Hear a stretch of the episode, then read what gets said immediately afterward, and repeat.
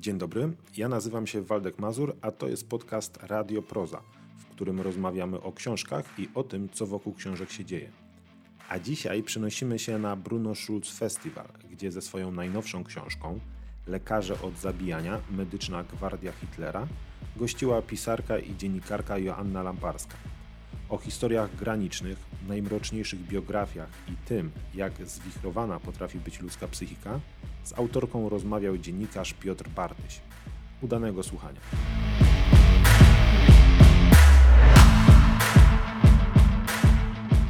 Przepiękny dzień dobry wszystkim, którzy tutaj przyszli w tym potrójnym święcie. Pierwsze święto, bo jest niedziela, takie dość powszechne święto.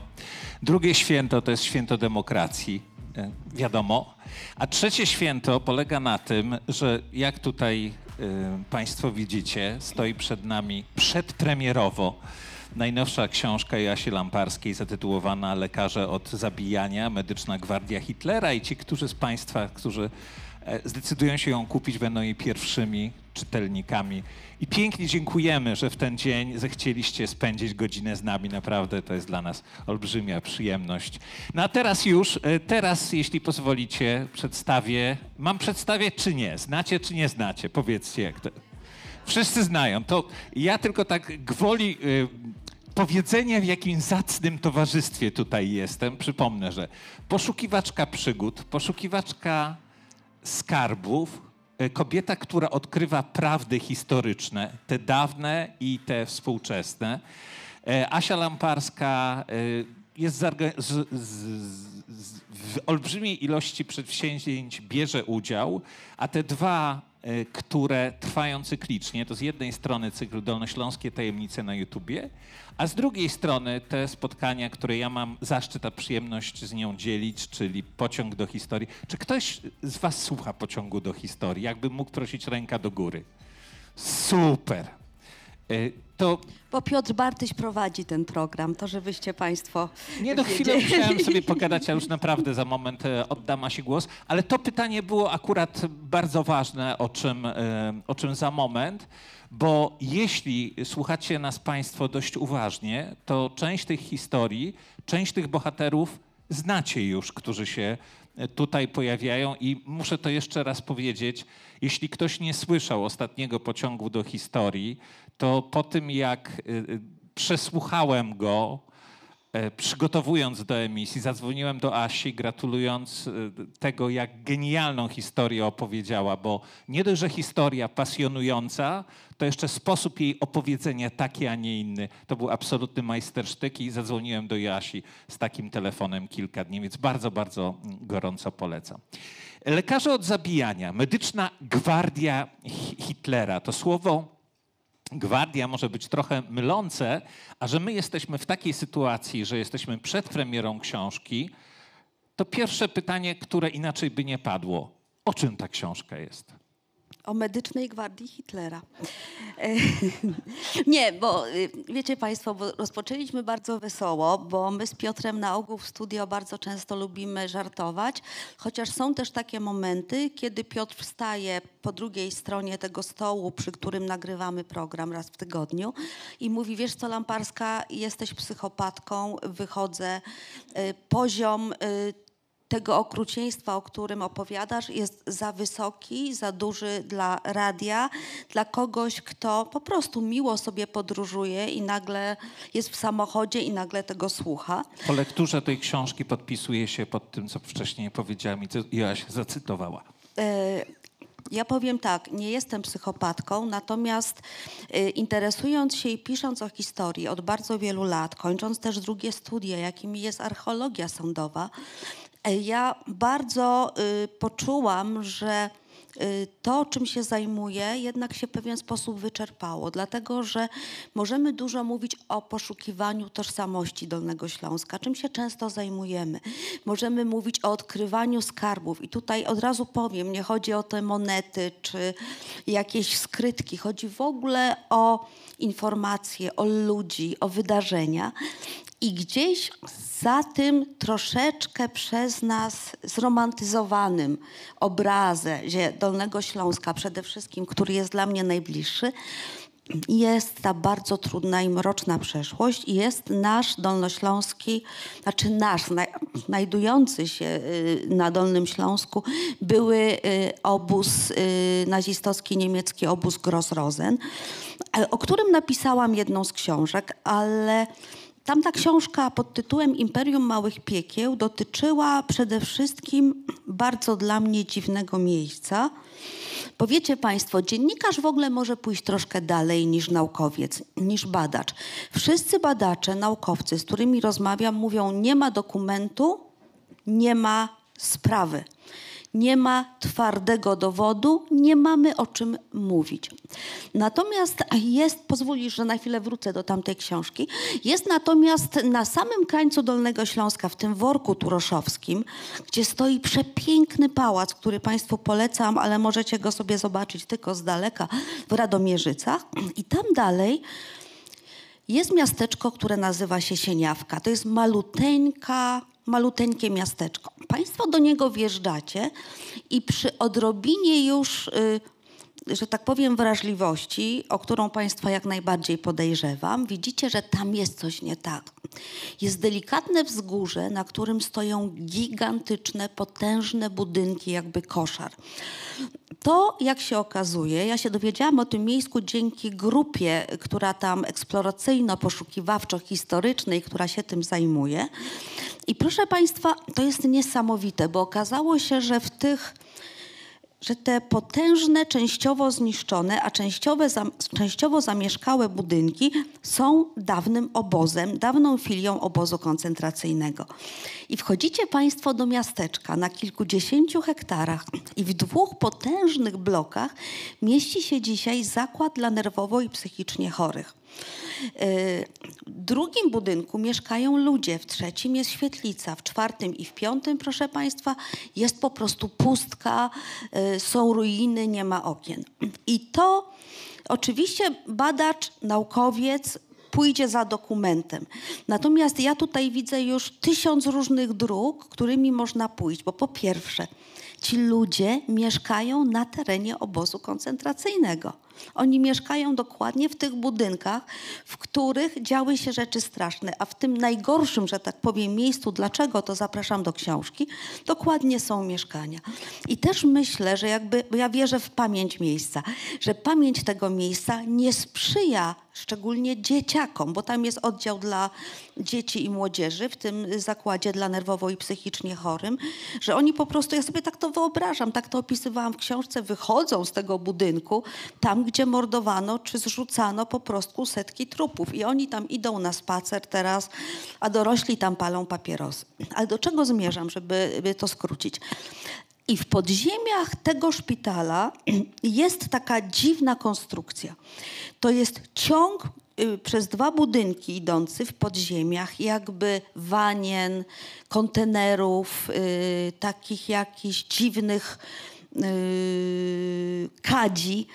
I ja się tym zainteresowałam, bo mi panowie z tej grupy powiedzieli, że tam był Mengele, że tam się rodziły kobiety, kobiety rodziły dzieci. No i proszę Państwa, okazuje się, że każdy badacz, z którym rozmawiam, mówi, proszę Pani, jest to prawdopodobnie zachowany ciąg do eksperymentów medycznych jakichś. Czy on powstał, czy dopiero powstawał, my tego nie wiemy. Nie ma na to żadnego dokumentu i żaden badacz, nazwijmy to z instytutu y, y, żadnego poważnego tym się do tej pory nie zajął. Więc y, Idąc za tamtym tropem, y, zaczęłam interesować się w ogóle, jak funkcjonowali lekarze w obozach koncentracyjnych. Oczywiście o tym powstało mnóstwo znakomitej literatury. Są Biblie na ten temat, czy Kli, czy Sterkowicz, ale mnie interesowało co innego jako pisarkę, dziennikarkę. Kim, słuchajcie, do diabła jest 21-letni dzieciak, 21-letni dzieciak, który zaczyna pracę w obozie jeszcze na studiach medycznych i po prostu, kiedy on pierwszy raz zabija, jak on zabija, dlaczego on zabija 21 lat. Jego, że tak powiem, prawa, taki mm, mentor w tym obozie ma 24 lata. Y, potem on idzie do innego obozu i to mnie interesowało. Jak się to zaczęło? Jacy to byli ludzie? To są pytania, na które nie da się odpowiedzieć, ale patrzyłam na te ich zdjęcia, te piękne, młode twarze, na pięknych, młodych ludzi, którzy mają swoje upodobania, bo ten lubi szarlotkę, ten się bawi z dzieckiem tam kółeczkiem, a potem idzie i, no i robi to, co robi. Natomiast y, jednym z, z największych relacji, jakie zrobiły na mnie wspomnienia więźniów, bo to jakby, jeżeli będziemy chcieli o tym mówić, to o zbieraniu materiałów, jest to, jak jeden z tych ludzi już w obozie na Majdanku prowadzi na egzekucję swoją czteroletnią córeczkę, żeby ona zobaczyła. Co trzeba mieć, słuchajcie, w głowie, jakim trzeba być człowiekiem, żeby wziąć za rączkę czteroletnią córeczkę i zabrać ją na egzekucję, pokazywać, jak się strzela do, do złych ludzi. No, to Aśka powiedziała, o czym jest ta książka tak naprawdę. Y, Ja powiem wam, że to jest tak, że y, jak ja ją przeczytałem, bo oczywiście ją przeczytałem przed dzisiejszym spotkaniem, to czytając tę książkę, ja od czasu do czasu zaciskałem kciuki, od czasu do czasu zaciskałem e, szczękę, a raz krzyknąłem i nie zamierzam podczas tego spotkania powiedzieć, kiedy krzyknąłem. Powiem ci później, bo ja nie chcę Państwu takich rzeczy, e, e, rzeczy opowiadać. I nagromadzenie zła na tych e, stronach jest naprawdę przerażające. Jeżeli pozwolisz, że ci przerwę, wiecie Państwo, bo pewnym problemem w pisaniu o tych tematach jest to, żeby unikać, my na to mówimy tego nazi porno, mówiąc brzydko, ordynarnie i wulgarnie, tego, żeby nie epatować, żeby nie przygniatać człowieka, yy, po to, bo są tacy autorzy, ja o tym wiem, że musi być jak najwięcej najgorszych rzeczy, żeby to żeby to, y, żeby to było mięsne, tak się często mówi w książce, a ja tego bardzo nie chciałam i myśmy bardzo dbali, ale czasami nie udało się uniknąć po prostu, bo no bo wiecie Państwo, można troszeczkę, y, że tak powiem, rozluźnić atmosferę, prawda?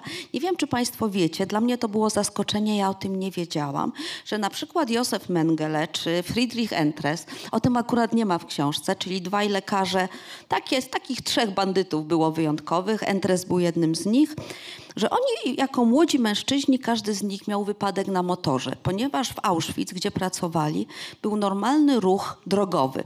Były światła, były y, szlabany, a oni po prostu rajdowali, bo byli młodymi mężczyznami, którzy lubili, lubili jeździć za szybko, no i każdy z nich sobie coś tam połamał na początku swojej pracy. Zresztą mieli też od, od przełożonych spore tam y, upomnienia za to, że jeżdżą za szybko po obozie na tych swoich motorach.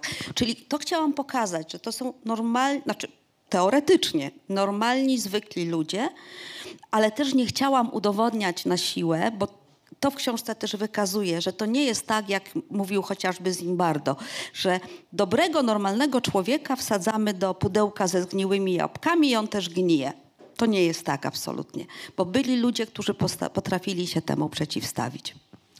Ale też bardzo mi się podoba y, w tej książce sposób opowiadania, który przyjęłaś, bo z jednej strony jest na początku tej książki, na końcu i od czasu do czasu bardzo wyraźnie w środku Joanna Lamparska. Joanna Lamparska, która żyje w XXI wieku, która bada tamte historie, ona wychodzi za tych kart. Mamy historię Niemców, którą wydaje mi się, że starasz się podawać w sposób e, no, bliski naukowemu podejściu. Opowiadasz, są tacy i tacy. I e, to, co mi się też bardzo podoba, to jest taka absolutna delikatność w podejściu do tych wszystkich ludzi, którzy byli ich ofiarami. Ona jest zapisana gdzieś między słowami, ale ona robi na mnie olbrzymie wrażenie.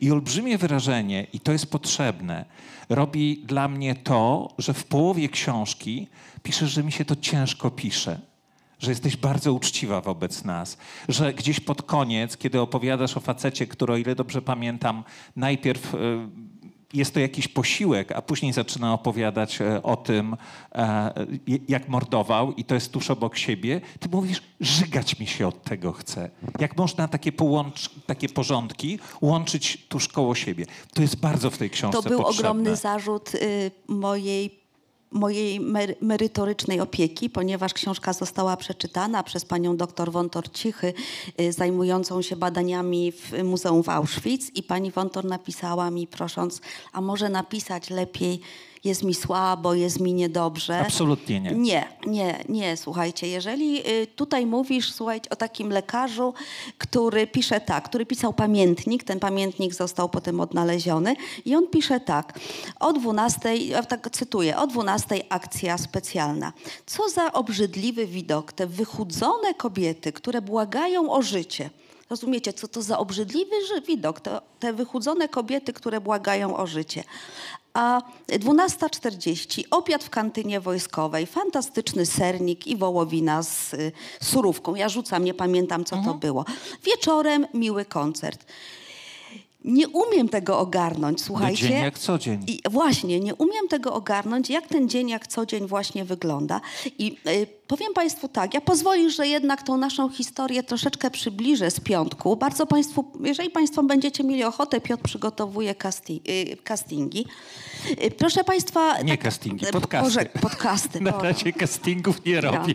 No, widzisz, to podświadomie jakoś mi to wyszło, że to, to gdzieś pokutuje do dzisiaj. Bo ja chciałam pokazać, ta, że tak, że przede wszystkim oni byli bardzo, bardzo młodzi. Ja ostatnio miałam taką szansę, że przebywałam wśród dwudziestoletnich młodych komandosów przez trzy dni. Y, takiej polskiej elity. Ich jest tylko kilkunastu w Polsce, w razie czego to oni będą tym trzonem tych, którzy będą nas bronić, skakać, wspinać się, robić akcje specjalne i tak dalej. I to właśnie byli chłopcy od 21 do 23 lat. I z jednej strony widziałam w nich trzeba, skoczę ze spadochronem, trzeba, będę robił fikołek, coś, coś, coś, a potem o, kotlecik, a może wezmę to, a może to. Takie dziecka fajne z nich, młodziutkie wychodzi.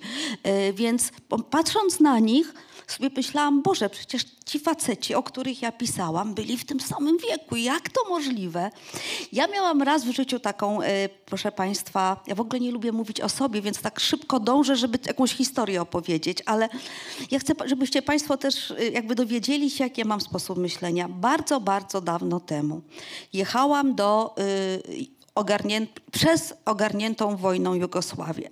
Zatrzymał autobus, w którym byłam, jakiś konwój mężczyzn, którzy weszli z karabinkami maszynowymi i kazali nam dawać w tym autobusie y, każdemu pieniądze. I to było dwóch mega przystojnych młodych mężczyzn, do dziś pamiętam ubranych na czarno, w czarnych beretach z karabinkami takimi. I jedyną moją myślą to było to, tacy ładni panowie, przecież oni nam nic nie mogą zrobić. Gdzież taki przystojny młody człowiek nam coś zrobi. I patrząc właśnie na tych moich bohaterów, myślę sobie, jak taki młody człowiek może mieć coś takiego w sobie, co się wydarzyło tak szybko. Czy to tylko ta indoktrynacja, czy to rodzice, czy to kraj, czy to Hitler, czy charakter, że oni robią to, co robią. Najmłodszy z moich bohaterów, Karl Babor, pojawia się w tej historii dopiero w latach 60. Dopiero w latach 60., kiedy, proszę Państwa, zapraszam, bo cała ta historia jest w naszym programie, ale też w książce, kiedy pewna młoda, bo zobaczcie Państwo, ile tutaj będzie wątków zawsze, młoda dziewczyna z Austrii, Żydówka, pragnie wyjść za mąż, ale ma taką przypadłość, że zawsze, proszę Państwa, interesują ją wyłącznie mężczyźni żonaci, bo chodzi z tego, co rozumiem, w tym jej życiu o jakąś taką ekscytację, żeby to nie było takie zwykłe, takie nudne. No i mm, ciągle wiadomo, że na tym mężczyzna mało dostępny, więc ciągle coś nie wychodzi. I pewnego dnia znajduje ogłoszenie matrymonialne. Słuchajcie, 63 czy 4 rok, to są inne czasy. Ludzie poznają się przez ogłoszenia matrymonialne. Młody, przystojny, dobrze zarabiający lekarz szuka kobiety, szuka przyjaciółki do korespondencji. Ona odpisuje. Po jakimś czasie przyjeżdża dojrzały mężczyzna, ojciec tego kandydata i mówi, wie pani, jest Ja też tego nie rozumiem. On mówi, jest lepiej niż przypuszczałem. No dzisiaj to już by nikt tak do kobiety nie powiedział. Mówi, myślę, że pani się spodoba mojemu mężowi, natomiast... A się to strasznie razi, bo ona też to w programie mówi. Tak. Natomiast no, i ja tłumaczę, no w końcu jest to facet starszy od niej o, o, o pokolenie i on trochę na zasadzie, no córko, podobasz mi się jeszcze bardziej. No ale dobrze, niech No będzie. dobrze. I, proszę Państwa, i ona mówi, tylko wie pan co, pan musi wiedzieć, że jestem Żydówką. Czyli zobaczcie, jak się zmieniają czasy, prawda? W latach 60. to w Austrii to jest jakiś problem. Na co on odpowiada, nie, nie, u nas w domu w ogóle nie ma o czym mówić. Absolutnie mój syn jest otwarty, my też. No i zaczyna z tym synem korespondować. On jest w ogóle bo też pokazuje różne warstwy. Okazuje się, że to jest cudowny, miły, ciepły facet. Delikatny, czuły. Y, On jest w Etiopii. Pisze, że jest dobrze ustawionym lekarzem, że pracuje na dworze cesarza Haile Selassie. No w ogóle słuchajcie, Afryka, lekarz, Haile Selassie, żyrafy, lwy i tak dalej. No fantastyczna sprawa. No i ta przyjaźń y, listowna doprowadza do tego, że on jej wysyła, bardzo elegancko się zachowuje, wysyła jej bilet w dwie strony. Nie spodoba ci się, wrócisz. Ona leci do tej Etiopii z jego córką, on jest rozwodnikiem. I ja powiem tylko wprost, tam się okazuje, bo tam jest długa historia jeszcze, więc nie spoilerujmy może do końca, ale okazuje się, że on po prostu nie ma ochoty na jej wizytę. On ją zabiera w jakieś dziwne miejsca, pokazuje jej, jak włożyć rękę w paszczę lwa na przykład. Lew go tam kąsa tym zębem, on jest zadowolony, czyli ona widzi, że coś jest nie tak. Ja zapytałam znajomą panią psycholog, co to znaczy, jak teoretycznie zdrowy, dojrzały mężczyzna wkłada albo robi sobie krzywdę, wkładając lw- lwu y, w paszczę rękę. A mi pani psycholog powiedziała, i to mnie naprowadziło na całość jakby ułożenia tego rozdziału. Mówi, jak ten człowiek musi siebie nienawidzić, jeżeli on sobie chce zrobić taką krzywdę. I on nie ma jedzenia w tym domu, w ogóle mają gdzieś. I dochodzi do takiego momentu, kiedy przychodzi do nich do domu wieczorem. Ta dziewczyna tam jest dwa, trzy dni dopiero. Yy, dziewczyna z tubylczej wioski z malutkim dzieckiem mówi, że lekarz y, wioskowy jest niedostępny i prosi, żeby ten babor po prostu ją przyjął. A on mówi, że on w życiu, przepraszam, bo tak się teraz nie mówi, ale cytuję, że on nie będzie czarnych dzieci po pierwsze leczył, że dzieci trzeba wszystkie zagazować, a poza tym y, jedyną, y, je, jedynie na życie zasługują zwierzęta. No i ona wtedy widzi, że coś z tym jej narzeczonym, niedoszłym jest nie tak. Tam się pojawiają jeszcze kolejne historie. Okazuje się, że on lubi dostawać w twarz, że no w ogóle dziwne te. I ona wraca całkowicie złamana, słuchajcie, bo, no bo miała być to miłość jej życia. No fajny facet i idzie. Ja się o tym dowiedziałam dopiero, kiedy skończyłam książkę, że prawdopodobnie mogła to być sekretarka słynnego Szymona Wizentala, łowcy nazistów. Ona jedzie, y, tak jak pisze o tym Wizental, bo jedno jest źródło tylko, czyli jego pamiętnik, jego książka, jedzie do Wizentala i mu o tym opowiada. I on tak babor, babor i nagle dynk. On sobie przypomina, że on tego lekarza spotkał, że był to wyjątkowo okrutny y, człowiek i zaczyna się wielki pościg za Karlem Baborem, który no jest moim zdaniem, ja dziwię się, że w ogóle nikt o tym filmu nigdy nie zrobił, bo to, Bo to jest bardzo filmowa historia. to jest naprawdę. bardzo filmowa historia, ale też Zresztą poka- w taki sposób, jak ty ją opowiedziałaś, zaczynając, bo gdyby to było przedstawione linearnie, to nie byłoby to tak interesujące. A Mhm. kiedy ją zaczynamy, w tym momencie, kiedy ty ją zaczynasz, czyli jest ten rok 60 któryś, to to pięknie buduje napięcie. Znaczy mnie tam interesowała jedna rzecz i y, proszę Państwa taka, że na ślad tego Babora jako pierwsi trafili i pomogli Wizentalowi dwaj więźniowie z Grozrozen, którzy podobno odnaleźli dom jego ojca i przyszli do niego. I mnie bardzo interesowało, którzy to byli więźniowie, jak oni dotarli. Napisałam do Centrum Szymona Wizentala, oni powiedzieli, że nic na ten temat nie wiedzą, że muszę pojechać sobie do Wiednia, do tamtejszego, e, do tamtejszego archiwum i tam, wiecie Państwo, olśnienie dla mnie. Ja pierwszy raz byłam w archiwum, to była dla mnie mega sprawa, w której jest, proszę Państwa, ksero i można sobie zrobić też skan. W ogóle nie ma ograniczeń. Pani przynosi setki teczek, w których jest totalny bałagan w ogóle. Tam nic nie jest ułożone. I te listy Szymona Wizentala, jego notatki, po prostu, wiecie Państwo, po prostu miałam te teczki. I pani mówi, a tu jest proszę skaner, proszę sobie skanować, co pani chce. I my razem z Piotrem, moim mężem, ja tylko wyciągałam, on skanował. Stąd też mamy zdjęcia Babora w książce. I, y, no i nie dowiedziałam się z tych dokumentów, natomiast y, kim byli ci dwaj więźniowie. Natomiast dowiedziałam się, jakie to było trudne ściganie kogokolwiek w tamtych czasach bez internetu, bez pewnych możliwości. Tam ludzie piszą do niego papierowe listy, one idą tygodniami. Y, on tych nazistów tam ściga jeden za drugim, oczywiście nie sam, bo to się potem mu zarzucało, że on tak tą sławę na siebie przejął, to nie było tak. No i, no i y, kiedy go dorwał tego babora, on, ten babor nie wytrzymuje, a czy babor mówi, że nie, że on absolutnie nie jest żadnym nazistą i tak dalej. Y, a I... zrób może trzy kropeczki, dobrze, jak to się skończy, dobrze. bo to wydaje mi się, że warto wam to zostawić, te, te trzy kropki. Natomiast Ale powiem ja, tylko tak, że czekaj, nawet bo... po śmierci Babor został odrzucony przez przyrodę. Tak mogę zaspoilerować. A może został uczczony przez swoich makabrycznych kumpli. Nie, został odrzucony. No ja, dobrze. ja jestem za Bo odrzuceniem. Jedna rzecz y, w tej chwili żałuję, że jednak nie doprowadziłem do tego. Myśmy się tak z Joanną mówili przed spotkaniem. Ona mówi, słuchaj, pytaj o co chcesz, ja i tak będę mówiła, co chcę. Y, I nie do końca udało mi się y, uzyskać odpowiedź na pierwsze pytanie, bo ja podkreśliłem słowo gwardia. Mhm. I ono może wskazywać, że Joanna tutaj robi jakiś olbrzymi przegląd osobowy, E, tym bardziej, że ona zaczyna tą książkę mówiąc, jest ich zaledwie 300 i aż 300. Ich władza jest niemal absolutna, choć jak to w korporacji, mają nad sobą szefów, nierzadko szalonych i mało kompetentnych. I my możemy się spodziewać, że to będzie opowieść o tych 300 osobach, które e, zrobiły tyle zła, że to jest niemożliwe, że 300 osób jest w stanie to zrobić. Tymczasem Joanna opowiada nam tutaj historię kilku osób i opowiada e, historię chronologicznie, ale chronologicznie w ten sposób, że tą chronologią jest przybywanie ich do obozu Grossrosen.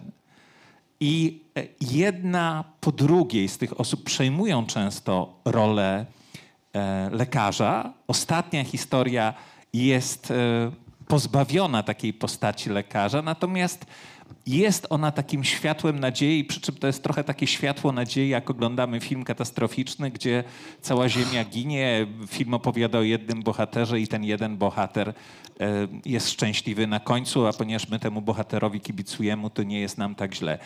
E, szczerze mówiąc, nie wiem, który wątek pociągnąć. Wiesz co, bo ja cały czas... Znaczy ja tylko chciałam powiedzieć, ja... że to nie jest książka o Grozrozen, żeby była jasność. Tak. Bo... Ale, ale ta chronologia jest tak, w tym. Bo ale to jest założona, zwraca... Asia, czy nie? Bo ja tego nie wiem. Tak, zało... bo założone. nikt nie no zwraca tak uwagi na jedną rzecz, że no. ci, bo to zawsze się mówi, Mengele był w Auschwitz, ale nikt nie wie, że on jeszcze przeszedł jeden obóz, drugi, trzeci. Entres, że oni po prostu migrują cały czas. Przechodzą z jednego obozu do drugiego. Wymieniają się po prostu. Oni się wszyscy muszą znać. znać tak. Oni piją ze sobą wódkę, spotykają się na jakichś y, spotkaniach między, między, nie wiem, wydziałowych, tak bym nazwała.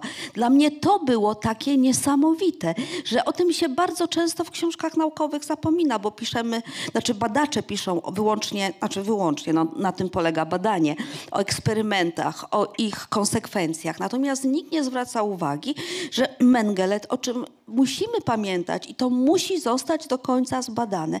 Mengele trzy miesiące tutaj na Dolnym Śląsku działa przecież.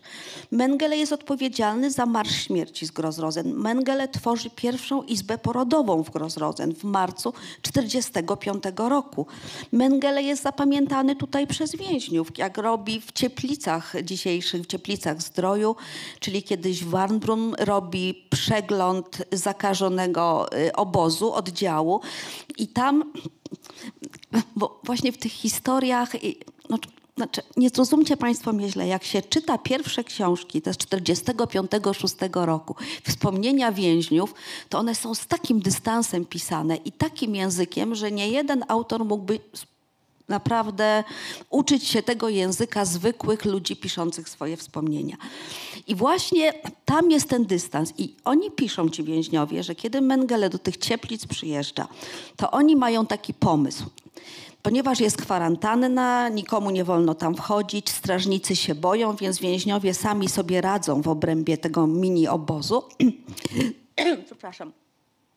I Proszę Państwa, co robią, żeby dostać więcej jedzenia? Jak ktoś umiera, to go ukrywają bo dzięki temu przyjdzie więcej porcji. No i przychodzi Mengele, odważny bardziej niż koledzy na ten przegląd, otwiera drzwi i nagle prosto na niego wypada jakiś trup po prostu ukryty yy, i wszyscy trochę się chichrają, ci więźniowie, ale są tak naprawdę przerażeni, słuchajcie. No i Mengele jest wściekły, wychodzi, więc yy, dużo jest takich, dużo jest takich historii, podobnie jak Mengele, cytujący romantyczną y, piosenkę y, angielską już w ostatnich dniach obozu w Sieniawce, o której opowiedziałam, kiedy kobiety mówią, że jest już człowiekiem pozbawionym kłów, więc dużo jest tych etapów właśnie, o których opowiadamy, nie mówiąc o tym, że w 40 czwartym i piątym roku tak naprawdę w tym Grossrosen to się spotyka cała ta wierchuszka lekarzy, bo wszyscy przez, ten gros, przez to Grossrosen uciekają. Yy, najgorsi bandyci, ale i najlepsi polscy lekarze. Są tu przesunięci w 1944 roku z Majdanka, który już jest y, wyzwolony przez Rosjan. Także chciałam tę ciągłość pewnej historii pokazać. Przepraszam, znów nie odpowiedziałam na pytanie. nie, bo wiecie, wiecie, jak to jest na spotkaniu, że to jest tak, Asia mówi, ja mam kolejne wątki w głowie i e, ona już jest gdzieś dalej, ale e, ja jednak zrobię taką małą pętelkę. E, zacznę może od Notting Hill takiej komedii romantycznej i tam jest taki fragment, jak y, postać Hugh Granta omyłkowo jest y, zmuszony przeprowadzać wywiady z ludźmi, którzy współtworzyli film, o którym on nie ma zielonego pojęcia. I w pewnym momencie pyta się człowieka, czy on się utożsamiał ze swoją rolą. Aktor e, odpowiada, że nie. Pyta się dlaczego. No bo byłem, e, gram postać robota ludożercy. E, no i e, takich mamy bohaterów tej książki. Jak teraz Asię zapytam, którego z nich najbardziej lubi, e, czy lubi największego potwora, czy najmniejszego, to ciekaw jestem, co ty mi odpowiesz. Bo... Nie, to w ogóle wiesz, o lubieniu nie może być mowy wiesz, żadnej. Wiesz co, ale to, to ja ci powiem jedną rzecz. Natomiast... Dobrze, ale hmm? dobre uczucie masz jakieś dla tego człowieka. Może powiem inaczej. Zanim odpowiem na pytanie, to ja zrobię pętelkę. Tam jest taki moment dotyczący e, obozu Auschwitz. Nie wiem, czy Państwo kojarzycie, jest takie bardzo słynne zdjęcie, odnalezione już po wojnie, na którym e, widać grupę żydowskich y, przyjezdnych, znaczy osób przywiezionych do Święcimia. Taka długa grupa stoi na rampie i na końcu stoi lekarz, który pokazuje tak palcem. Jest takie, znajdź to zdjęcie, jeśli mogę cię prosić. Equal, nie, nie, to, to Ono będzie tak przy Tilo. Jest, e, ale o, to... Nie wiem, czy państwo tu zobaczycie. To jest takie słynne bardzo zdjęcie na stronie, jeżeli ktoś ma książkę. I nawet nie jesteśmy pewni, kto na tym zdjęciu jest. Zdaje się, 270. Pamiętam, choć przypisuje tak. się... No dobrze. Do czego zmierzam? Że to zdjęcie pokazuje, ile w ogóle warstw mają te trudne wojenne historie. Bo po pierwsze, to zdjęcie jest jednym z niewielu absolutnie dowodów na to, na całe męczeństwo Żydów w Auschwitz. To zdjęcie jest związane również ze słynną historią Złotego Pociągu, bo ci ludzie, którzy tutaj stoją i czekają na ten gest lekarza w lewo czy w prawo, czyli albo pójdziesz na rampę, albo pójdziesz do y, komory gazowej, albo będziesz jeszcze żyć, to są ludzie, którzy wcześniej zostawili cały swój majątek w Budapeszcie i ten ich majątek został zabrany pociągami y, w kierunku Berlina i to był tak zwany y, węgierski Złoty Pociąg, zupełnie inna historia, to zapraszam do książki Złoty Pociąg, y, którą napisałam. Natomiast tu jest drugi element, jeżeli mówimy o tym zdjęciu. Pewnego dnia do Auschwitz przyjechał jakiś mężczyzna i mówi: Ja rozpoznaję swojego ojca tutaj. A wszyscy mówi, pracownicy mówią: A, pan jest Żydem. On mówi: Nie, to jest mój ojciec. I pokazuje SS-mana, który stoi koło tego lekarza. Rzeczywiście potem okazało się, że jest to jego ojciec. Te zdjęcia, to zdjęcie razem z innymi zostały znalezione zupełnie w innym obozie przez przypadek, przez młodą ocaloną Żydówkę. Ale do czego zmierzam?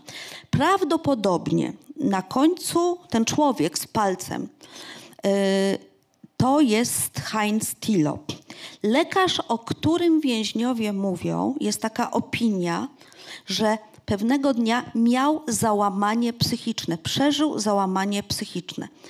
To mnie bardzo zaintrygowało, jak SS-man, lekarz, który jest konkuruje z y, Mengelem w Auschwitz, bo o ile o Mengele mówi się anioł śmierci, to o Tilo mówi się demon śmierci.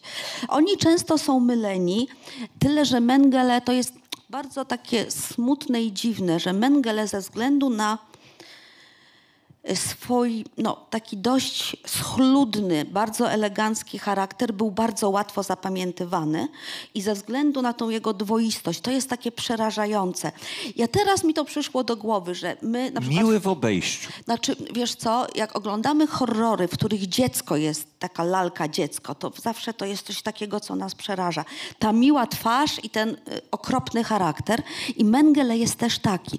On potrafi pomóc dziewczynie, która wychodzi z samochodu, samochodu, a potem ją skierować do gazu, albo pogłaskać dziecko po głowie, a potem je zabić. I to jest takie przerażające. No, i, ale dlatego tego Mengele wszyscy pamiętają. Tilo y, niewiele osób pamięta, bo on jest od razu po prostu jaki jest. Surowy, niedobry. Ale w tych jego aktach, w tej relacji o nim jest, że on przeżył załamanie nerwowe i musiał wziąć urlop. Jest taki moment w relacji w relacji jednego z więźniów. Ja w ogóle widziałam tylko dwa zdjęcia Tilo w cywilu. Miły facet, elegancki, w garniturze, w takim szerokim krawacie, w paski, z ładną, miłą żoną.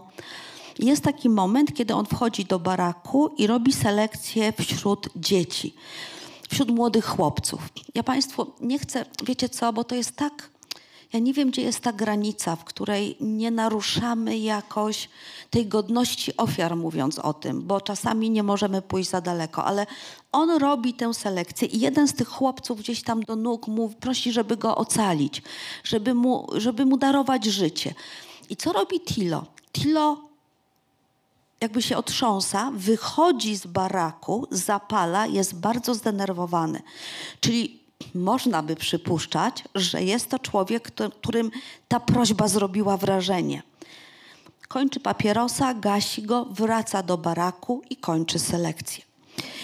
Yy, więc yy, czy to załamanie nerwowe wiąże się z tym, że on tej pracy w tej pracy nie daje rady, czy na przykład ma inny jakiś problem, tego nie wiemy. Czy on też zrobił odwrotną selekcję? Tak, tak.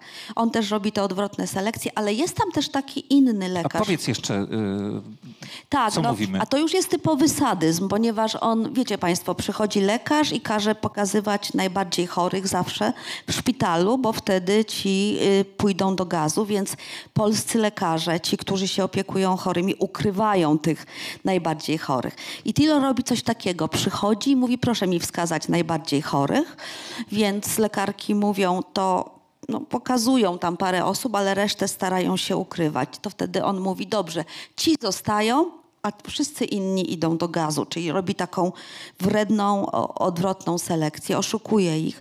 Ale do czego zmierzam? Do tego, e, co ja chciałam powiedzieć, nie wiem, ale do tego Tilo, że y, on y, y, no, że właśnie z tym jego załamaniem nerwowym, że ja myślę, że to nie jest człowiek, który. Aha, już wiem.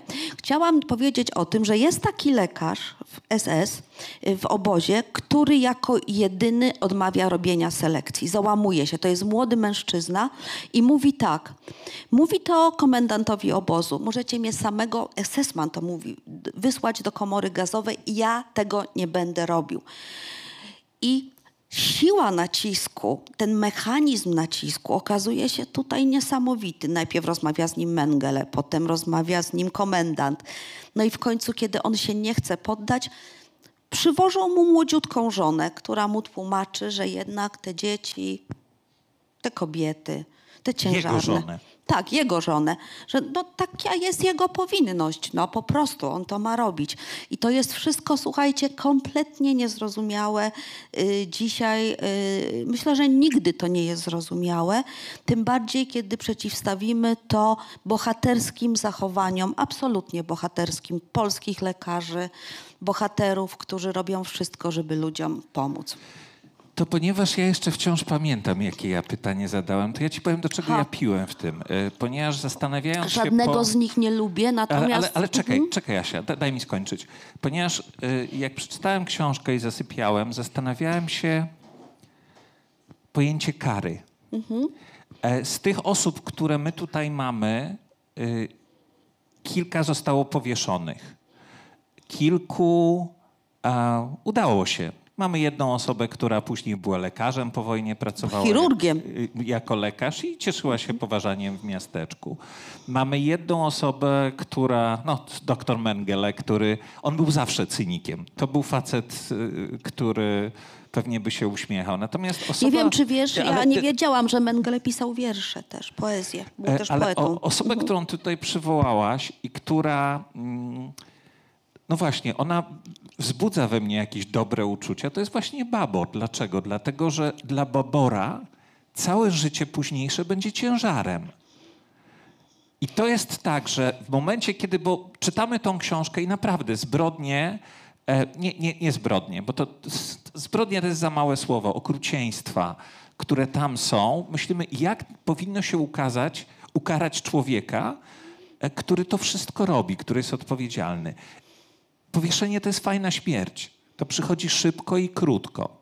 I w przypadku takiego Mengele, to, że jemu się udało, no to on pewnie siedział sobie tam w tej Argentynie, y, pił Malbeki i był przeszczęśliwy.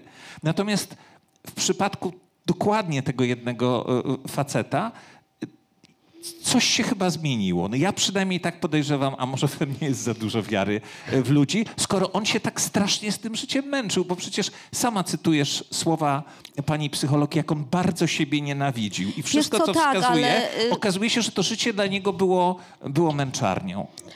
E, jakby, y, znaczy, ja chciałam pokazać różne niuanse w tych swoich bohaterach, ale kurczę, no nie potrafię w nich znaleźć nic dobrego, szczerze mówiąc. Oprócz tego, że Babor ma gdzieś tam jakąś piękną, młodą y, żonę, y, którą prawdopodobnie raczył, był, y, raczył jej pomóc zejść z tego świata, bo tak przynajmniej wynika gdzieś to między, między wierszami. Y, Ten Babor jest bardzo przystojnym mężczyzną, jak jest młody, więc on może wzbudzać jakieś tam cieplejsze przez chwilę uczucia. Natomiast nie, oni robią to, co trzeba po prostu. Mordują i, i, i to jest bardzo trudne. Ja starałam się unikać tej myśli, jak mogłam, bo ja tego nie mogę zrozumieć. Oni po prostu mordują, bo nie mordują ludzi, no po prostu. Oni są zmęczeni, bo trzeba na tą rampę iść i kolejny tysiąc osób wyselekcjonować. To jest męczące, nudne. Mi się wydawało na początku, że to wzbudza jakieś, mogło wzbudzać jakieś wątpliwości, ale to jest po prostu. I to czasem nawet takie, no.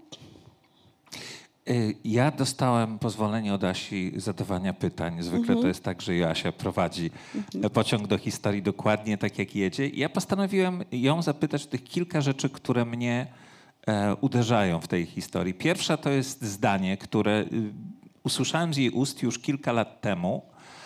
E, ktoś, kto był w Grossrosen, powiedział, że Grossrosen, e, że Auschwitz to było sanatorium w porównaniu z tym, jakie warunki panowały w Grossrosen. Y, Tak, i to jest coś, co bardzo wiele osób oburza, ale to są opinie więźniów, również samego Szymona Wizentala, to on to powiedział.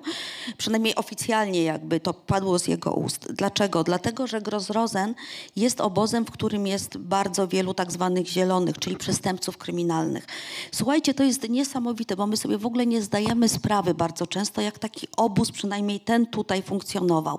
To są setki małych dzielnic, do których nie można przejść z jednej dzielnicy do drugiej. To są zamknięte obszary, w których rządzą przede wszystkim ci funkcyjni więźniowie. Komendant pije wódkę, y, ma dwóch zastępców, którzy gdzieś się tam pojawiają, a oni rządzą. To są kryminaliści, niemieccy kryminaliści. Jeden na siedmiu to jest niemiecki kryminalista, którzy bardzo często są również seksualnymi drapieżnikami. Jest, ogromny, jest ogromna skala przemocy seksualnej w tym obozie. Ogromna, brutalnej przemocy seksualnej. Zarówno wobec kobiet, jak i mężczyzn. Znaczy tutaj w, Bardziej mężczyzn. Bardziej mężczyzn jednak, tak. Y, Jest na to duże przyzwolenie na przemoc seksualną przy oficjalnym y, y, absolutnej negacji jakiejkolwiek odmienności seksualnej w tamtejszych, w tamtejszych czasach. Zresztą Friedrich Entres, który, y, o którym opowiadałam już, który najpierw będzie w Grozrozen, potem będzie w Auschwitz, potem tu wróci, zajmuje się między innymi kastracją osób y, homoseksualnych, mężczyzn homoseksualnych. Y, I jest, ja zawsze zastanawiałam się, czy on ma jakieś emocje. Natomiast kiedy on kastruje pewnego śpiewaka czy tancerza y, ze Szczecina, y, mówi do niego, możesz podziękować, tu rzuca nazwisko jakiegoś niemieckiego oficera, ty świnio, coś takiego, czyli jednak robi to z przyjemnością po prostu. Y, I ten obóz jest straszny, bo tutaj po prostu można zginąć idąc ulicą. I to z rąk innego funkcyjnego więźnia. To jest właśnie takie okropne. Y, Opisy orgii, do jakich dochodzi y, w Grozrozen, przedstawione przez więźniów. Ja znalazłam, y, w ogóle udało mi się dotrzeć do takich relacji zaraz powojennych. O rany, to słuchajcie, zatyka po prostu. Zatyka po prostu dech, jakie ci ludzie mają pomysły, ile w tym jest. Znaczy, o tym też mówią często. Ja kiedyś czytałam taką relację jednego z żydowskich więźniów Auschwitz, że SS-mani, było tam jakieś drzewo i oni im kazali wchodzić na to drzewo, tam 20-30 Żydom i się trząść jak jabłka, coś takiego. Słuchajcie, co to są w ogóle za pomysły? Kto na to wpada? Y, I te opisy w tej książce są no niestety bardzo podobne. Ja nie chcę ich tu przytaczać, bo one są okropne. Ale tam wszystkie pomysły są absolutnie dozwolone, nie mówiąc o wykorzystywaniu także ludzkich ciał, no tych złotych zębów. Ja, dwie informacje mną wstrząsnęły. Y, Jedna to, że ta pierwsza praca doktorska dotycząca tak naprawdę wykorzystywania złota dentystycznego powstała tu na Dolnym Śląsku w 1940 roku. To jest nasz tutejszy y, jakby korzenie tego pomysłu y, y, zostały zapuszczone tutaj. Mm, No i część z tego złota jedzie do Wrocławia, bo jeden z braci jednego z Lagerführerów ma tutaj gabinet dentystyczny, a druga jedzie gdzieś do Warszawy, bo SS-mani sobie tam po prostu to złoto gdzieś przekazują. Także y, w Oświęcimiu nie można było chyba zginąć za złoty ząb, a w Grozrozen to było oczywiste. To, to mógł być wyrok absolutnie. Kolejna rzecz, o której Ale to jest książka o ludziach przede wszystkim, bo mówię, przepraszam, nie chcę, żeby ktoś miał takie wrażenie, że to jest kolejne takie obozowe pokazywanie straszności. To jest książka o tym, jak zmienia się człowiek i jak odnajduje się w tym okropnym pudle, jak nagle staje się jego częścią. Kolejna rzecz, y, której ja nie miałem świadomości, to jest jak zmieniło się postrzeganie ofiar Holokaustu po procesie Eichmana, o czym, e, o czym też piszesz, że do momentu, gdy tego procesu nie ma, e, część e, społeczeństwa żydowskiego, jak rozumiem, postrzega tych, którzy są ocaleli z Holokaustu jako słabeuszy, nieudaczników.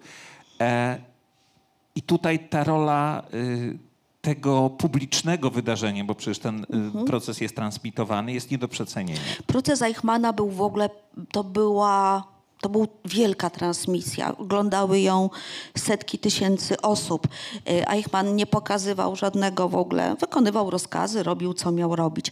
Ale proces Eichmana nareszcie pokazał, jak straszna była wojna. W takim globalnym, w globalnym takim, y, w globalnym, y, że tak powiem, wydaniu. Prawda jest też taka, że to są te lata, kiedy te służby izraelskie tak nie za bardzo ścigają y, tych zbrodniarzy. A Aczkolwiek pewnie Państwo, przynajmniej część znacie tą historię, on został przewieziony w przebraniu Pilota, pi- pilota tak. tak, do, do, do, do Izraela. Oni go zgarnęli, jak z autobusu wysiadał tam gdzieś w Ameryce Południowej. Ale do czego to też jest, jest też tą film, o tym można obejrzeć, jeżeli ktoś lubi tak lżej fabularny. Natomiast y, tu jest też ta kwestia, że nie wiem, czy Państwo kojarzycie, zresztą dzisiaj na YouTube zawiesiliśmy taki film o akcji Neptun, to jest jakby pobocze. Kiedy w 1968 roku była taka czechosłowacka taka audycja dla młodzieży, nazywała się Ciekawska Kamera. I dziennikarze wymyślili sobie, że będą szukać A jak jest y, ciekawska kamera po czesku? Ciekawska Kamera. Tak? No, Tak ciekawska kamera. tak, kamera, No. cie... no jakoś No tak, tak. I oni wymyślili sobie, że będą szukać nazistowskiego skarbu.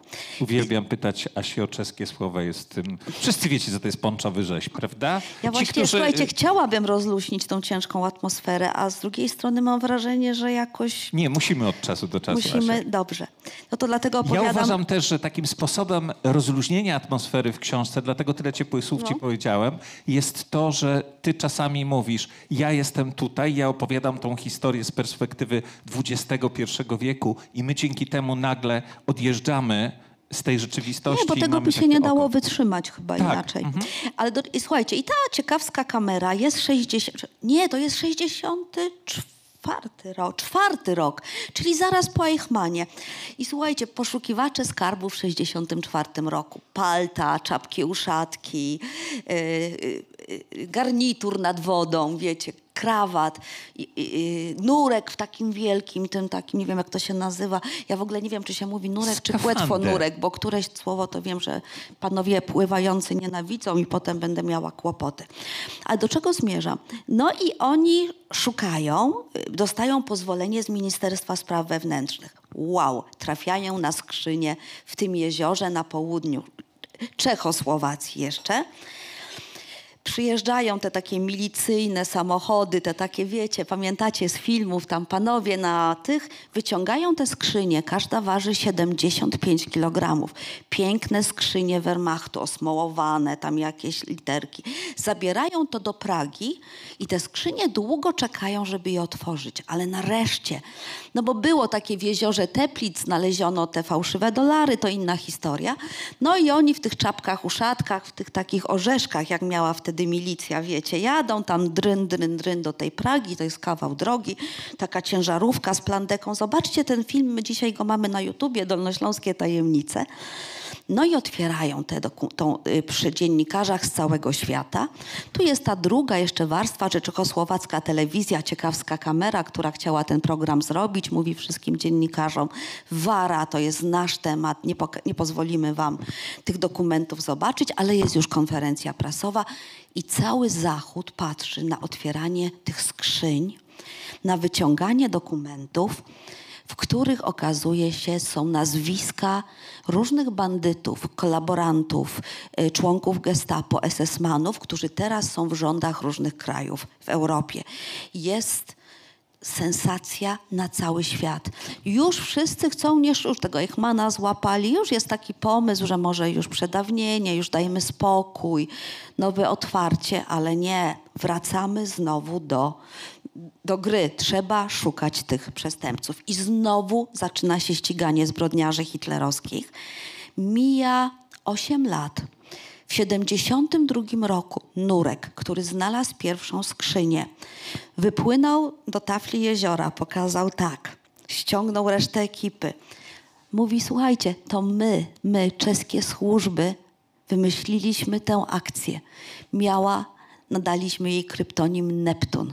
Chodziło o to, żeby znowu ścigać zbrodniarzy, żeby pokazać Federalnej Republika Federalna Niemiec, żeby ich skompromitować. Jak to zrobiliśmy? Nasz wywiad czechosłowacki dogadał się z, ze Związkiem Radzieckim. My mieliśmy przygotować skrzynie, wyciągnąć je. Ja jestem nurkiem, byłem w tej ekipie i czekaliśmy tylko, żeby Związek Radziecki przysłał nam prawdziwe dokumenty ze swojego archiwum. Przełożyliśmy je już w Pradze do tych skrzyń i pokazaliśmy światu. Słuchajcie, no y, zobaczcie, ile tutaj jest tych wątków, ale ja za tym, bo ja lubię w taki przygodowy sposób opowiadać historii, ale chciałam się rozliczyć bo w nowej książce, którą teraz piszę, chcę się z czymś innym, ciągle się z czymś rozliczam, rozliczyć, ale chciałam pokazać, że też dla siebie pokazać, że pod tymi lekkimi sprawami są tysiące ludzkich, bardzo poważnych tragedii, takich, które mogą nam się z dzisiejszego punktu widzenia wydać nawet śmieszne. Ja o tym też piszę, że jeden, jeden z byłych więźniów obozu Grozrozen pisze, że robili na mnie eksperymenty i urodziła mi się, dzie, urodziła mi się córka z, mongo, y, z mongolizmem, mongolizmem. Sąsiad y, też ma córkę z mongolizmem, on też był w obozie. Poszliśmy do, dokąd oni poszli? Zamiast do lekarza, poszli do wróżki czy do jasnowidza. I jasnowidz powiedział nam, że te dzieci są owocem czegoś bardzo złego, co przeszliśmy. I ci ludzie w to wierzą po prostu. I ja piszę o tym w książce, że y, pewnie student medycyny dzisiaj to by się zachichrał, prawda, że po przejściach w obozie ktoś ma mongolizm. Ale zobaczcie, ile takich trudnych y, sytuacji ludzie, z jakimi sytuacjami, z jakimi dylematami w tych innych czasach wtedy jeszcze ludzie sobie, y, sobie radzą. Nie mówiąc o tym, że y, ja tak powiem na koniec tej wypowiedzi i myślę, że damy Państwu już spokój, że te trupy się za nami ciągną, słuchajcie, bo profesor Gerard Butz, Y, przedwojenny szef Zakładu Medycyny Sądowej. I pierwszy bohater y, książki. Pierwszy w sensie pierwsza postać, która się pojawia. Mówiąc, piękny bandyta po prostu. Ma wszystko, czego potrzebujemy, żeby stworzyć bandytę. Y, nawet Himmlerowi podpadł, bo kiedy robił sekcję zwłok kaprala y, zabitego, zastrzelonego przez więźniów y, bodajże w Zak, Buchenwaldzie, tak? Buchenwaldzie. Proszę Państwa, to nie chciało, mu się, nie chciało mu się robić sekcji na miejscu, odciął mu głowę, wziął do pudełka i zawiózł sobie do gabinetu. I Himmler się wściekł, bo ciała SS-mana się po prostu tak nie... Było świątynią. Jest świątynią. I ten Buc to jest bardzo skomplikowana z naszego polskiego punktu widzenia postać, bo jest to pierwszy lekarz robiący, proszę Państwa, prowadzący ekshumację w Katyniu. W tej jeszcze pierwszej międzynarodowej komisji. Jego zdjęcie wisi do dzisiaj w Zakładzie Medycyny Sądowej na korytarzu. Powinno wisieć czy nie? To jest bardzo ciekawe pytanie. Moim zdaniem nie, jakby wszyscy są świadomi tego, jaką on y, miał przeszłość. Natomiast jeszcze kilka lat temu, nie sprawdzałam tego pisząc tej, tej, tę książkę, wśród bohaterów naszej Akademii Medycznej, wybitnych lekarzy, przedstawianych jako wybitne jednostki, byli ci robiący eksperymenty na ludziach w sposób absolutnie zbrodniczy. I, yy, i jeszcze przedwojenny rektor Akademii Rolniczej we Wrocławiu, proszę Państwa. Y, po wojnie przyjmowany z karesami we Wrocławiu. Udało mi się znaleźć informację, że w czasie II wojny światowej y, prowadził badania wody na zlecenie Himmlera w Auschwitz, y, gdzie wydał oświadczenie takiej ekspertyzy, że woda w Auschwitz kompletnie nie nadaje się do niczego i nikt jej nie powinien pić, a potem wrócił tutaj zarządzać uczelnią. Od czasu do Więc ja czasu, mówię, te trupy są w szafach po prostu. ale od czasu do czasu są też takie opowieści jak o Lewandowskim, nie jedynym, który strzelił gola, czy o Joginie, który zadziwiał swoją postawą w obozie e, koncentracyjnym. Takie rzeczy znajdziecie. A poza tym to, co ja już e, wcześniej mówiłem, że na końcu tej książki jest malutki happy end. Taki naprawdę malutki, ale jest i, e, i to jest też e, dosyć istotne. Natomiast e, tak już powoli chyba pytania, prawda? To już godzinę żeśmy przegadali, a mówię, no tak, no po prostu To ja bardzo jesteśmy. państwa przepraszam, Natomiast ja tak jeszcze jedną rzecz chciałem powiedzieć, bo tak, żeby do, dopełnić obowiązku, do którego ja się poczuwam. Ostatnie zdanie tej książki, a właściwie podziękowań brzmi, dlatego też całe swoje serce oddaję Piotrowi Kałuży, mojemu mężowi, bez którego wsparcia i miłości nie byłoby żadnej mojej książki. Piotr Kałuża jest na sali, siedzi sobie tam e, z boku i wielkie brawa dla niego poproszę. No. Ma, ten, ma dla mnie I cierpliwość ten mój wielkie mąż. brawa dla Jasi Lamparskiej. Jeżeli Państwo pozwolicie, to tylko w dwóch zdaniach powiem może Państwu jakieś o pytania? rozdziale, nie o rozdziale, który został z powodów prawnych wyrzuconych z mojej bo nas zaraz książki. wyrzucą. Aha, Daj ludziom dobra. pytania zadać. Dobrze. To ja powiem tylko. Ja chciałam, żeby w tej książce znalazł się jeszcze rozdział, bo taki był mój zamysł, o tym słynnym pre- plastynatorze Hagenie, yy, ponieważ chciałam pokazać, nie chodziło, bo to nie jest przecież bandyta, absolutnie, ale ja chciałam pokazać, jak bardzo zmieniło się podejście do ludzkiego ciała. Wiecie, ile ludzi chce być teraz plastynatem, chce zostać pokrojonym i powieszonym gdzieś na ścianie, w muzeum. Podobno Michael Jackson chciał się tak spreparować, no i tak dalej, i tak dalej. Ale tak bardzo silna jest ta, y, u nas, w Polakach, to, to zakorzenienie w tych w tej pamięci o tym, co się działo w czasie II wojny światowej, że kiedy okazało się, że bodajże chyba ojciec y, tego lekarza był w SS, to Polacy powiedzieli, że absolutnie nie pozwolą, żeby jakiekolwiek jego przedsiębiorstwo, bo on stworzył tu na Dolnym Śląsku, w Grodziszczu, miał przez chwilę taki zakład preparacji, nie wiem czy Państwo wiecie, a potem chciał gdzieś koło Żagania już taką wielką fabrykę otworzyć, ale to było jakby y, po, po, Polacy w ogóle nie byli na, znaczy y, tak gotowi, to jest może złe słowo, po prostu nie. My mamy jednak mimo wszystko ciągle inne podejście do ciała, ale ono się bardzo, co chciałam, szkoda, że nie mogłam tego rozdziału dać, bo naprawdę to się bardzo, bardzo zmienia, jak my podchodzimy. Ja mam jednak starodawne podejście do ciała, natomiast jeden z moich lekarzy, y, znajomych medycyny sądowej mówi, daj spokój, ludzie, cię do tych piórników każą chować i potem w tej ziemi. Po co? Z ludzkim ciałem można zrobić tyle fajnych rzeczy, żeby je wykorzystać. Ja mam gdzieś zakorzenione jednak trochę inaczej, ale to jest zupełnie na inną kwestię czy książkę. Następna książka jest optymistyczna, słuchajcie, już ją piszę. Będzie się ją miło czytało, będzie tam dużo przygód, obrazów i takich fajnych rzeczy. Miłość. Dopiero jak oddam tam, gdzie zamówili, to potem dopiszę miłość, żeby myśleli, że jestem poważną osobą. Okej. No.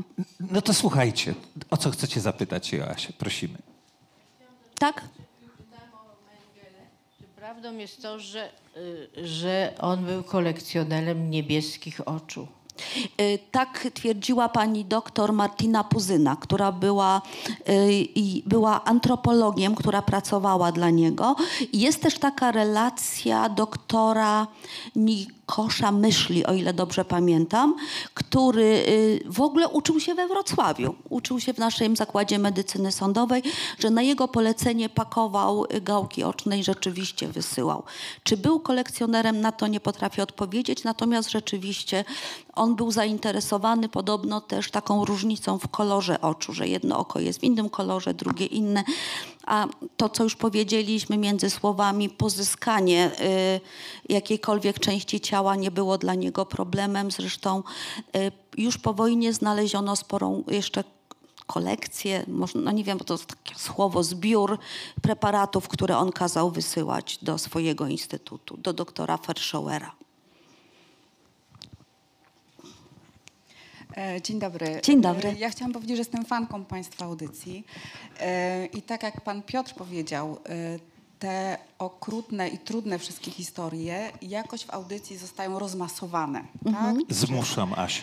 tak. Znaczy Piotrek też tnie audycje bardzo często. Tak, natomiast ja chciałam zapytać... Nie, nie, to, to, to ja tylko muszę, przepraszam, bo ja powiedziałem, bo tnę to źle brzmi. Ja ewentualnie jakieś tam powtórzenia, drobiazgi, bo wiecie, bo te, cięcie audycji może się komuś kojarzyć z manipulacją, a to zupełnie z tym nie ma nic wspólnego. Tak wolę Oczywiście, to że to jest głośno. manipulacja. Wycinasz mniej, wsadzasz tam siebie, no.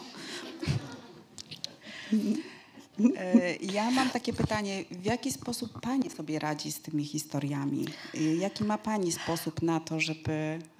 e, O, wie pani co, nie radzę sobie. Ja powiem, że ja nawet już w tej chwili bym chciała nie promować tej książki, a to jest pierwsze spotkanie. Po pierwszej książce, tej o eksperymentach medycznych, tym Imperium Małych Piekieł, ja miałam takie straszne sny, śniły mi się po prostu tak straszne rzeczy. Y, Nie radzę sobie pewną Y, Na pewno wie pani co, to jest bardzo ciekawe, bo o ile kiedyś, państwo wiecie, w towarzystwie czasem ktoś rzuci durnym dowcipem o II wojnie światowej, państwo wiecie. I o ile kiedyś jeszcze byłam, miałam, że tak powiem, tolerancję dla tych żartów, w tej chwili kompletnie nie. Kompletnie mnie, w ogóle nie mam tutaj uśmiechu żadnego. Natomiast... y, radzę sobie tym, że przysięgłam sobie, że nie napiszę takiej obozowej książki następnej przez jakiś czas, yy, ale już tam gdzieś. Ten, nie, Przez no, jakiś co, czas. Co będę pani pierniczyć? Nie radzę sobie. To jest bardzo, bardzo trudne. Ale bardzo dziękuję za to pytanie, bo ono powinno tutaj paść, bo też chciałem ja się o to zapytać, tylko wcześniej nie było czasu. Można tylko się od tego odciąć po prostu, Właściwie wsadzić sobie do pytam. słoika, a słoik ma przeźroczyste ścianki, więc sobie go tam wsadzę do słoika, wsadzę na półkę, przykryję zasłonką i ja wiem, że ten słoik tam jest, ale wiem, że nie muszę tej zasłonki odsłaniać, ale on tam jest. To... Natomiast no, ja, ja mam też tę, wie pani, tę możliwość. To bardzo jest trudne takie, nazwijmy to wizerunkowo, bo z jednej strony mam, mam jednak tę odskocznię do starszej historii, do turystyki, przygody, zamki, pałace, to, to jednak, o może to pomaga, że y, tu piszę o tych strasznych rzeczach, a potem wiem, że wieczorem czy na drugi dzień jadę robić film, czy rozmawiam z Piotrem, czy spotykam się z jakimiś dziennikarzami tam z zachodu. I na przykład y, słyszę pytanie amerykańskiego dziennikarza, ja to uwielbiam, to pytanie w ogóle, E, Jak myślisz, dla, wiesz co, może byśmy zrobili taki film, jak polscy partyzanci wyzwalali Zamek Książ. I ja wtedy, to będzie piękny film. Y, I wie pani, ja mam ten dystans wtedy, bo ja widzę, że ludzie tak naprawdę nie znają historii, ale też mam te barwne, szalone postaci, o których często my opowiadamy w naszych programach. No i to jest ta odskocznia, że jest mnóstwo pozytywnych i fajnych i wrażliwych ludzi. No i ta historia jest mega po prostu. Mega. To są takie historie, że... Jej. Święta Katarzyna na przykład się pojawia. Tak, albo jem sernik, bo to też Święta tak, Katarzyna to jest pomaga. taka dziewczyna, która źle skończyła, ponieważ aniołowie zalali robaka i nie zdążyli jej uratować. Znaczy raz jej, im, się udało, ale za drugim razem sorry, nie zdążyli, no. No i widzicie, z kim ja pracuję. Nie wiem po prostu, co mam powiedzieć. Y, Kto jeszcze, słuchajcie? Czekamy na pytania. Ja wiem, pytania są zawsze najtrudniejsze. Słuchajcie, to jak państwo. nie, to może poprosimy Asię, żeby autografy na, na książce Bardzo Państwu rozdała. dziękuję. I dziękujemy pięknie za spotkanie. Ja Państwu bardzo dziękuję. Dziękuję też mojemu prowadzącemu oczywiście. Ja bardzo Państwa zachęcam, jak macie czasem chwilę czasu w samochodzie, to o 18 w każdy piątek tam opowiadamy różne historie, albo y, zawsze o 10 w niedzielę na YouTube, a zresztą Ale to wisi. naprawdę polecamy ten odcinek o Baborze. On już wisi u nas na stronie internetowej i jest na Spotify'u, bo... Jezu, nie mów ja- takich rzeczy, bo jak mój wydawca słucha, to będzie miał no, ale pretensje, ja to muszę że... powiedzieć. Człowiek z 30-letnim stażem radiowym y, mówi, że to są Himalaje radia. To naprawdę, uwierzcie, tak to mniej więcej zabrzmiało dzięki umiejętnościom Jaś. A potem prosi mnie, żebym mu pożyczyła 100 złotych. I to tak z nami jest. Dziękujemy Państwu bardzo.